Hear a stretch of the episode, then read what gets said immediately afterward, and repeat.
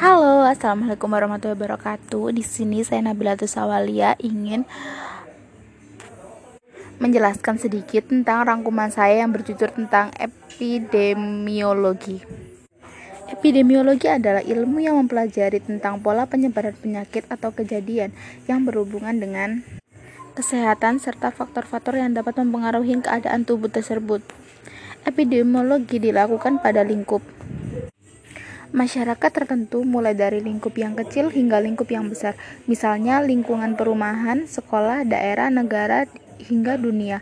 Aplikasi ilmu dimologi adalah untuk melakukan intervestasi terhadap suatu kejadian yang berhubungan dengan kesehatan agar bisa mengontrol, misalnya saat terjadi wabah. Wabah sendiri adalah terjadinya suatu penyakit dalam masyarakat di mana jumlah orang terjangkit lebih daripada biasanya pada komunitas tertentu atau di musim-musim tertentu. Wabah ini bisa terjadi secara terus-menerus, mulai hitungan hari hingga tahun, tidak hanya di satu wilayah tetapi juga meluas ke daerah atau negara lain.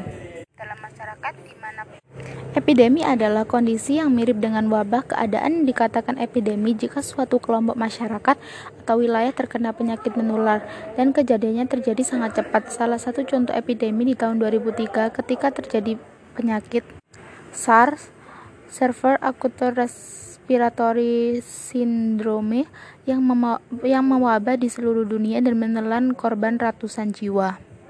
Pandemi adalah wabah penyakit yang terjadi secara luas di seluruh dunia. Dengan kata lain, penyakit ini sudah menjadi masalah bersama warga dunia. Contoh pandemi adalah HIV/AIDS. Tidak hanya itu, influenza yang saat ini tampak ringan pun dahulu pernah menjadi penyakit yang masuk di dalam kategori pandemi dan masalah, menjadi masalah penyakit tingkat dunia. Untuk yang selanjutnya yaitu endemi adalah keadaan atau karakteristik wilayah atau lingkungan tertentu yang hubungannya dengan penyakit. Misalnya daerah tertentu adalah tempat yang dikenal sebagai lingkungan masyarakat yang mudah terjangkit penyakit tertentu. Penyakit ini selalu ada di daerah tersebut, tapi frekuensinya sangat rendah. Di Indonesia, contohnya adalah daerah yang merupakan endemi malaria. Masalah kesehatan yang diinvestigasi dalam epidemiologi ada beberapa masalah kesehatan yang biasanya memerlukan penyelidikan lebih lanjut. Masalah kesehatan ini mungkin saja berbeda antara daerah yang satu dengan daerah yang lain, atau penyakit yang satu dengan penyakit yang lain. Faktor-faktor yang mempengaruhi epidemiologi adalah yang pertama yaitu paparan lingkungan, misalnya logam berat, timbal, dan polusi-polusi udara yang dapat memicu asma. Selanjutnya, penyakit infeksi menular, misalnya influenza dan pneumonia. Yang ketiga, penyakit tidak menular, misalnya jenis kanker tertentu atau bayi lahir dengan cacat bawaan. Yang keempat, cedera karena adanya peningkatan masalah sosial seperti kasus kekerasan dalam rumah tangga atau meningkatnya kriminalitas di masyarakat.